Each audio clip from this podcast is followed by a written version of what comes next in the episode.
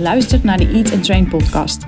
Mijn naam is Laura Bleker en ik help je slank worden en blijven door middel van no-nonsense voeding en mindset coaching.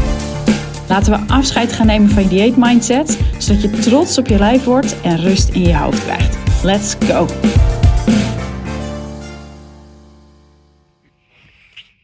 Hoi, wat goed dat je weer luistert. Daar was ik weer na een korte break. Um, althans, die break was helemaal niet per se kort. Ik was die heerlijke week op vakantie. Maar er zaten geloof ik twee volle weken ja, tussen deze en de laatste podcast, podcast nummer 100. En um, je kunt nog tot eind deze maand een deep dive winnen. En trouwens, nu ik dat zeg, realiseer ik me dat, uh, dat deze nieuwe podcast waarschijnlijk online komt uh, op 2 maart. Dus dan is de actie eigenlijk al voorbij. Nou, uh, doet er niet helemaal toe. Mijn vakantie was heerlijk. Ik had me heel slecht voorbereid, moet ik toegeven. Uh, we gingen naar Colombia en normaal moet ik me dan inlezen. Wat is er te doen? Waar gaan we heen? Uh, wat kan ik verwachten? Was ik eigenlijk niet echt helemaal aan toegekomen. Um, dus ik ging er vrij blanco in. En ik wist wel dat er een mix zou zijn van steden en cultuur. En cultuur betekent trouwens voor mij um, wat meer de stad verkennen. Dus dagenlang rondlopen, op verkenning in een stad, architectuur voelen wat er daar leeft, dan dat dat per se is in musea zijn. En uh, ja, dat soort dingen. Misschien een beetje, klein beetje cultuurbaar. Uh, verder wist ik natuurlijk, dat er, is jungle, we gaan hiken, we gaan lekker naar het strand, we gaan duiken. Tussendoor misschien hier en daar een gym induiken en lekker heel veel boeken lezen. En dat heb ik ook echt gedaan. En heerlijk eten, dat was echt de grote verrassing. Ik ben ook in Nicaragua geweest en daar was het echt eigenlijk sowieso alle ontbijtjes, maar ook vaak tussendoor gewoon rijst met bonen. En daar had ik stiekem nu ook een beetje rekening mee gehouden. Maar was helemaal niet het geval. Um, nou, en verder wil ik natuurlijk helemaal opladen en dat is ook helemaal gelukt. Nou, als je me op stories hebt, uh, als je me op stories volgt, dan heb je mijn vakantie ook zo ongeveer kunnen volgen. Dan had ik misschien beter op het account van Eat and Train Retreats uh, kunnen delen. Ik weet niet of je weet trouwens dat ik dat account heb. Um, dat account helemaal niet meer actief. kan misschien beter opheffen. Er zijn geloof ik nog maar twee van de 7 of 8000 volgers over. En er staat ook voorlopig geen retreat in de planning. Nou, dan lange intro. Hè? Loud get to the point. Waar gaat het vandaag, vandaag over? Het gaat over stiekem eten. En het is weer een onderwerp waarvan ik denk, hoezo was daar nog geen podcast over? Nou, het kwam ter sprake, uh, dit onderwerp, in uh, een van de coachcalls die ik had meteen de dag nadat ik terug was. En het is een onderwerp dat geregeld in calls naar voren komt en iets waar ik mezelf ook bijzonder vaak schuldig aan heb gemaakt. En het voorbeeld wat me ook in die call direct te binnen schoot is um, wanneer mijn vriend en ik uitgebreid uit eten waren geweest of bij ouders hadden gegeten. En uh, volgens mij heb ik het wel eerder gezegd, als ik bij mijn vader eet en zijn vrouw, die zorgen dat er altijd precies het eten is waarvan ze weten dat ik er heel blij van word. En dan de lekkerste toetjes. En als we dan terugkwamen en ik alvast naar boven ging en hij ging de auto wegzetten, iets met een parkeervergunning uh, in Amsterdam, um, dan ging ik voordat hij terugkwam nog dingen eten. Dus eigenlijk al over eten tijdens dat etentje of, of bij die ouders. Hè? Dus uh, uitgebreid gegeten, iets te veel. Dan ook nog een dessert erachteraan. Vaak ook nog iets lekkers bij de koffie. En dan thuiskomen en dan gaan lopen snijden. En dat kon dan chocola zijn of iets anders lekkers als dat er was. Maar als dat er niet was, dan waren boterhammen met pindakaas en honing ook voldoende. Het moest natuurlijk wel zoet zijn. In mijn geval in ieder geval. En dan vervolgens heel snel het bewijsmateriaal wegwerken. Dus kruimels van het aanrecht, uh, een smintje nemen om de pindakaasadem te verbergen of de chocoladebreath. Uh, verpakkingen net even een laagje verder in de prullenbak duwen. Of tijdens het opruimen van de keuken, als hij in de kamer zat bijvoorbeeld, zo geruisloos mogelijk iets lekkers pakken. Want als hij de verpakking zou horen, dan zou hij ook willen. Dat is natuurlijk niet de bedoeling. Of hij zou weten dat ik snoep, terwijl ik dat eigenlijk niet van plan was. Of bijvoorbeeld in mijn kantoortijd stiekem iets lekkers in, je, in mijn tas hebben of in mijn la, wat natuurlijk niemand mocht zien. Of als er lekkers in de pantry lag, hè, daar dan één keer iets van pakken, wat prima is, want dat doet iedereen. Maar dan vervolgens, bij je volgende kop koffie of kop thee die je gaat pakken, schichtig om je heen kijken, zo ziet niemand het, en dan nog een klein stukje pakken. En dat dan nog een paar keer, maar niemand mocht dat zien. Nu ik het zo bedenk, deed ik dit eigenlijk al toen ik een jaar of 16, 17 was. Ik werkte destijds bij de bakker. En dat was de bakkerij van mijn nicht. En mijn tante werkte daar. En nog iets van vier andere meiden. En we waren altijd allemaal op dieet. Of we deden in ieder geval pogingen. Dit is ook die fase waar, uh, waarin mijn tante en mijn nicht en één collega geloof ik dat dieet deden. Uh, waarbij je je moest injecteren met het hormoon van zwangere vrouwen. En dan mocht je nog maar 500 calorieën naast eten. En dan gingen ze als een malle afvallen. Maar dat kwam dan natuurlijk door dat hormoon. Nou, neem mij, uh, hè, in de maling. Um, maar als ik dan om 8 uur moest openen, dus bij die bakkerij, dan moest ik om 7 uur zijn.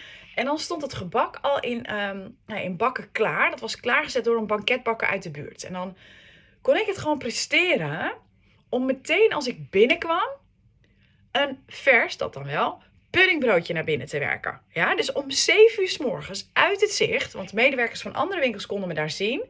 En het moest ook voor 8 uur, want dan kwam er een collega. Terwijl ik eigenlijk op dieet was, stiekem al een puddingbroodje achterover drukken. Nou, en ook hier moest het bewijsmateriaal worden vernietigd. Dat papiertje waar het in zat. Uh, de manier waarop ik de broodjes in de vitrine neerlegde. Want daar mocht niets aan te zien zijn. Stiekem eten, ik heb het zelf dus heel vaak gedaan. En ik weet dat veel van mijn cliënten dit herkennen. En jij dus waarschijnlijk ook. En ik schaamde me ervoor. En ik weet dat zij dat ook doen. En dat jij dat dus waarschijnlijk ook doet. Ik vond het gênant. En ik vroeg me ook af, waarom doe ik dit? Want aan de ene kant wil je niets liever. Ja, voelt het een beetje stout, een beetje badass, rebels. En dat voelt lekker, die fuck it modus. Maar aan de andere kant weet je dat je geen honger hebt. En vind je het triest. En veroordeel je jezelf er flink over. Ja, je wil afvallen. Nou, dat lukt dus zo niet. En hoe zielig is het dat je dit stiekem doet. En dat je de snoeppapiertjes vervolgens verbergt. Of um, nou ja, überhaupt dat je met je neus in de voorraadkast staat. Precies als je weet dat niemand je kan zien of horen. En toch kun je het in de meeste gevallen niet laten. Allereerst, waar komt dit vandaan? Nou, die schaamte die komt doordat je het niet begrijpt of doordat je het veroordeelt, of misschien wel allebei. Dus als je dat doet, dat stiekem eten, ja, dus terwijl je het um, veroordeelt en terwijl er iemand mogelijk is die jou kan betrappen, dan eet je met spanning. Die spanning die wordt voor je brein opgepikt als schaarste. En als je vaker naar me luistert, dan weet je inmiddels dat dat ervaren van die schaarste, die maakt dat je een drang hebt naar eten die je voor je gevoel niet goed kan verklaren. Ja, dus die schaarste is voor je oerbrein een levensbedreigende situatie. Dus als je de momenten herkent dat je zo lekker aan het diëten bent, of calorieën aan het tellen bent, of, of wat je ook doet. En dat je ineens, terwijl je dus dacht dat het heel lekker ging, van alles eet, waardoor je achteraf denkt: wat de fuck. Dan weet je dus wat er gebeurd is. En dit is precies waarom diëten niet werkt. Ja? Dus die spanning, die wordt veroorzaakt doordat je het niet begrijpt en veroordeelt. Die spanning zorgt voor de zin om te eten. Nou, dan het veroordelen. Je vindt jezelf waarschijnlijk, als je dit aan het doen bent, of in ieder geval vlak daarna, stom, zwak. Misschien voel je jezelf een varken. Ja, je zegt, oh, ik zou dit niet moeten doen. Ik heb al genoeg gegeten. Zo val ik nooit af. Uh, misschien vraag je af, waarom kan ik nou geen maat houden? Het is niet zo gek dat ik zo dik ben. Ja? En misschien klinkt dat heel hard als ik dat zo zeg. Maar dat is wel, hè, laten we eerlijk wezen, hoe hard het er vaak aan toe gaat. Uh, de manier waarop we tegen onszelf praten. Dus dat zijn de oordelen vanuit jezelf. Nou, tel daarbovenop dat overgewicht vanuit de maatschappij nog vaak gezien wordt als een persoonlijk falen. Hè? Want als je het maar graag wil, dan lukt het wel. Toch? Nou, gelukkig weten we in ieder geval, mijn luisteraars, langzaam maar zeker beter. En tot slot dan nog het commentaar van de mensen in je omgeving. Dus partners, vriendinnen, ouders, die het beste met je voor hebben. Hoop ik in ieder geval die weten dat je wil afvallen en die je af en toe een blik geven of dingen zeggen als: zou je dat nou wel doen? Of als ze weten dat je met mijn methode aan de slag bent, en dat is misschien nog wel erger, dat ze tegen je zeggen: Heb je nu al honger? Oeh, vreselijk, vreselijk. Heel goed bedoeld, maar ja, goed. Ehm, die opmerking heb ik mijn vriend ook moeten afleren door mijn tong naar hem uit te steken als hij dat zegt, of om, om hem een, uh, eh, liefdevolle, vriendschappelijke, dikke middelvinger te geven. Anyway, het gaat om spanning. Ja? Dus die, die, die spanning die komt voort uit het niet begrijpen. ehm, uit oordelen erover en uit je schamen. En die spanning creëert die drang om te eten. Daar schaam je je dan weer voor. En zo kan het zijn dat je dat stiekem eten, dat je dat in stand houdt. En ik hoop dat, dat deze uitleg, dat die je helpt bij het stuk begrijpen. Nou, dan wil je natuurlijk weten, hoe kom je hier vanaf? Hoe doorbreek je dit? Allereerst, en dat is waarom ik het net heb uitgelegd, door het te begrijpen. Ja, dus ik hoop dat ik je daar met het voorgaande stuk mee heb geholpen. Ten tweede zul je het stuk schaamte moeten loslaten. Dus door te begrijpen hoe het werkt, maar ook door te accepteren dat stiekem eten nu nog is wat je doet. Ja, dus jouw brein neemt nu nog dat paadje. En als je dat niet kan accepteren, of erger nog blijft ontkennen, dan hou je die spanning in stand. En wat ik ook in podcast 94 uitleg, is dat als jij iets volledig accepteert van jezelf, en dat betekent niet dat je het leuk hoeft te vinden, dan kunnen opmerkingen van anderen daarover je niet raken. Ja, en ik heb ergens eerder al het voorbeeld gegeven van Guido Weijers, die cabaretier. Nou, die is hartstikke scheel, echt een gevalletje linker oogrechte broekzak. Maar hij is daar nooit mee gepest. En ik had het daar gisteren, eh, was het gisteren, nou doet er niet toe, ook over met een cliënt. Uh, een vriendinnetje van haar kleine nichtje heeft een tijd terug over haar gezegd dat ze dik is. Nou, dat kwam destijds aan. Ja, dat was pijnlijk, dat kwam aan. Toen. En inmiddels, dat nichtje begint er nog wel eens over, heeft zij geleerd om heel, heel veel liever voor zichzelf te zijn. Om blij te zijn met wie ze is en van daaruit te veranderen. En nu kan ze tegen zichzelf en tegen dat nichtje zeggen: Ja, ja je tante is niet de dunste, maar wel de leukste. Of de liefste. Zie je, voel je meteen wat dat doet? Ja, dus je oont um, nou ja, die eigenschap van jezelf die je eigenlijk niet leuk vindt. Maar door eraan toe te voegen, dat is zo. Ik ben zo, ik doe dat. Maar ik ben ook veel meer dan dat. Own je het. Leg je de focus op iets anders. En komt het helemaal op die manier niet aan. En heeft een ander met, met zijn opmerking helemaal geen effect op jou. Dus ja, jij overeet nu nog. En ja, dat doe je stiekem. Maar daar ben je mee aan de slag. Ja? En dat is een mooi bruggetje naar hoe je dit verder doorbreekt. Dus dat is ehm, het met je directe omgeving, dus de mensen die jou zouden kunnen betrappen, om het bespreekbaar te maken. Ja, jij overeet nu nog soms, hè? En daar wil je mee stoppen, daar ben je mee aan het werk. Maar goed bedoelde opmerkingen als: zou je dat nou wel doen? Heb je wel echt honger? Of weet je dat zeker? Die helpen niet. Sterker nog, in het moment zelf versterken die de schaamte en dat voorkomen, die schaamte, is juist een onderdeel van je proces. Dus wat je kan zeggen, hè, als je um, tegen mensen die jou willen helpen, dat is als je me echt wil helpen hierin en je merkt op dat ik stiekem eet of overeet, laat dat dan. Ja? Geen blikken, geen woorden. En dan kun je zeggen van, ik ben me echt heel bewust van wanneer ik dat doe. Dus als je het hier met me over wil hebben, vraag me er dan naar op een ander moment. Ja, en dan geef ik vervolgens wel aan, dat kun je dan zeggen, uh, of ik het erover wil hebben of niet. Maar zo help je me het best. En goed om te weten in deze is dat als iemand jou wil confronteren, of jij wil iemand confronteren met wat hij of zij doet, of je hebt er vragen over, of dat nou over, over eten gaat, of over een een ander soort gedrag waarvan jij het niet waardeert dat die ander dat doet. Waarvan je ook weet dat die persoon dat ook liever anders zou doen. Dan is dat aankaarten in het moment vrijwel nooit het juiste moment. Volg je die? Dus als je iets wil aankaarten bij iemand waarvan je weet, hé, hey, die ander is hier ook mee bezig of die zou dit liefst ook anders willen doen, dan is in het moment, daarover beginnen, vrijwel nooit het moment. Ja, dus denk aan overeten, stiekem eten. Uh, of misschien reageert iemand heel uh, onnodig fel op iets. Ja, bijvoorbeeld op feedback of in een bepaalde situatie. Vaak met grenzen aangeven, dat soort dingen. Dan is dat in het moment aankaarten vrijwel nooit het juiste moment. En daar zijn natuurlijk uitzonderingen op. Hè? Bijvoorbeeld uh, als iemand vordering bij de kassa. Maar je snapt hopelijk wat ik bedoel. Dus je kleine kring. Ja, wat een buitenstaander van je vindt, dus buiten die kleine kring, daar heb jij sowieso geen enkele invloed op. En dat is gelukkig, denk ik dan ook maar. Ja, want dat zou echt doodvermoeiend zijn als je daar invloed op had en je zou dat ook willen gaan uitoefenen.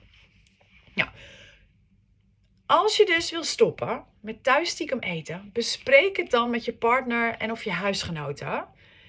En doe het vervolgens, de eerstvolgende keer dat je die drang voelt, volledig in het zicht. En waarschijnlijk denk je nu al, ah, paniek. Want dat is super, super mega spannend. Maar als je dat durft, als je daar al bent, dan heb je zo'n mega, mega stap gemaakt. En ik moet ineens denken aan de quote: Own your shadows, so they don't own you. Ik weet niet, ik geef graag credits. Ik weet even niet uh, waar ik deze vandaan heb. Maar own die donkere kanten van jezelf. Dan kan niemand je daarop pakken. En hoef je het dus ook niet stiekem te doen. Is er ook geen spanning en ook geen schaarste, snap je? En je mag ook hier zeker weer wat humor gebruiken. Je hebt me misschien vaker gehoord over je malle brein. Ja? Je malle brein doet dit. Die wil dat stiekem eten, maar jij weet beter. Ja? Humor geeft lucht, geeft ruimte. En vanuit die ontspanning wordt het makkelijker om bij jezelf te blijven en andere keuzes te maken. Dus keuzes vanuit zelfzorg. En vanuit die zelfzorg en die rust kun je gaan kijken naar het waarom van het eten. Ja? Welk gevoel wil je dat dat je geeft? Welke rol vervult dat eten voor je? Want stiekem eten doe je niet omdat je honger hebt. Uitzonderingen daar gelaten, hè? wederom hier ook. Maar je bent geen 16 meer op de middelbare school en hebt honger en je mag eigenlijk niet eten in de klas. Ja, of je wil snoepen stiekem, eh, terwijl de leraar het niet ziet. Anyway, even op een rij.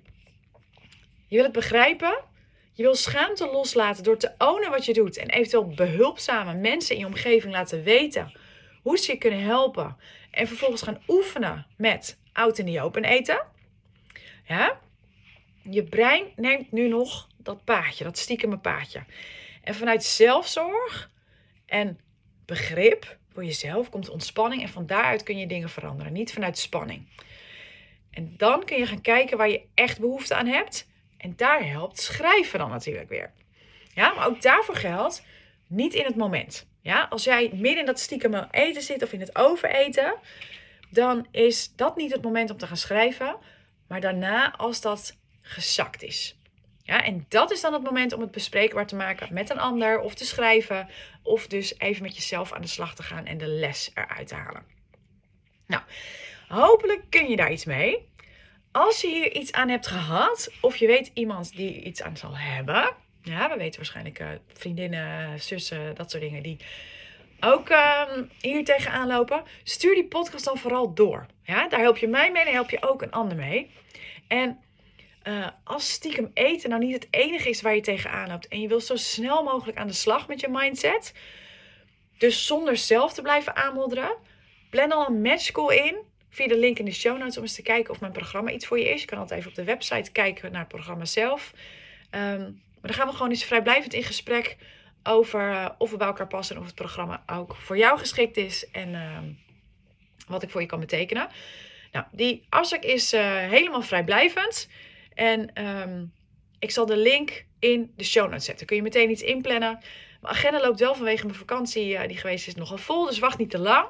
Um, je zit nergens aan vast met zo'n call. En als je denkt, nou, ik wil er eerst nog even uh, een vraag over stellen, dan kun je me altijd een DM of een mail sturen. Ik, nogmaals, zal alle links in de DM zetten. En um, nou ja, dank voor het luisteren. Ik ben er volgende week weer.